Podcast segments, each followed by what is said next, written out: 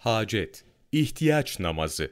Şöyle ki, uhrevi veya dünyevi bir ihtiyacı olan kimse güzelce abdest alır. Yatsı namazından sonra iki veya dört, bir rivayete göre 12 rekat namaz kılar. Sonra Hak Teala Hazretlerine senada, Resul Ekrem sallallahu aleyhi ve sellem Efendimiz'e salatu selamda bulunur.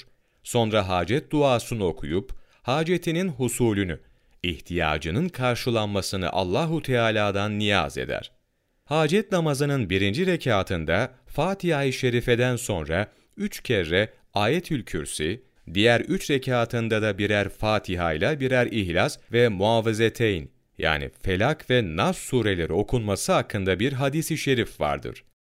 Rızık bolluğu için okunacak dua. Aşağıdaki ayeti celile, Zariyat suresi 58. ayeti olup, akşam ve sabah veyahut beş vakitte on birer kere okunacaktır. İnna Allahe huve'r-razzaku zul kuvvetil metin. Ömer Muhammed Öztürk İbadet takvimi ve dualar 14 Kasım Mevlana takvimi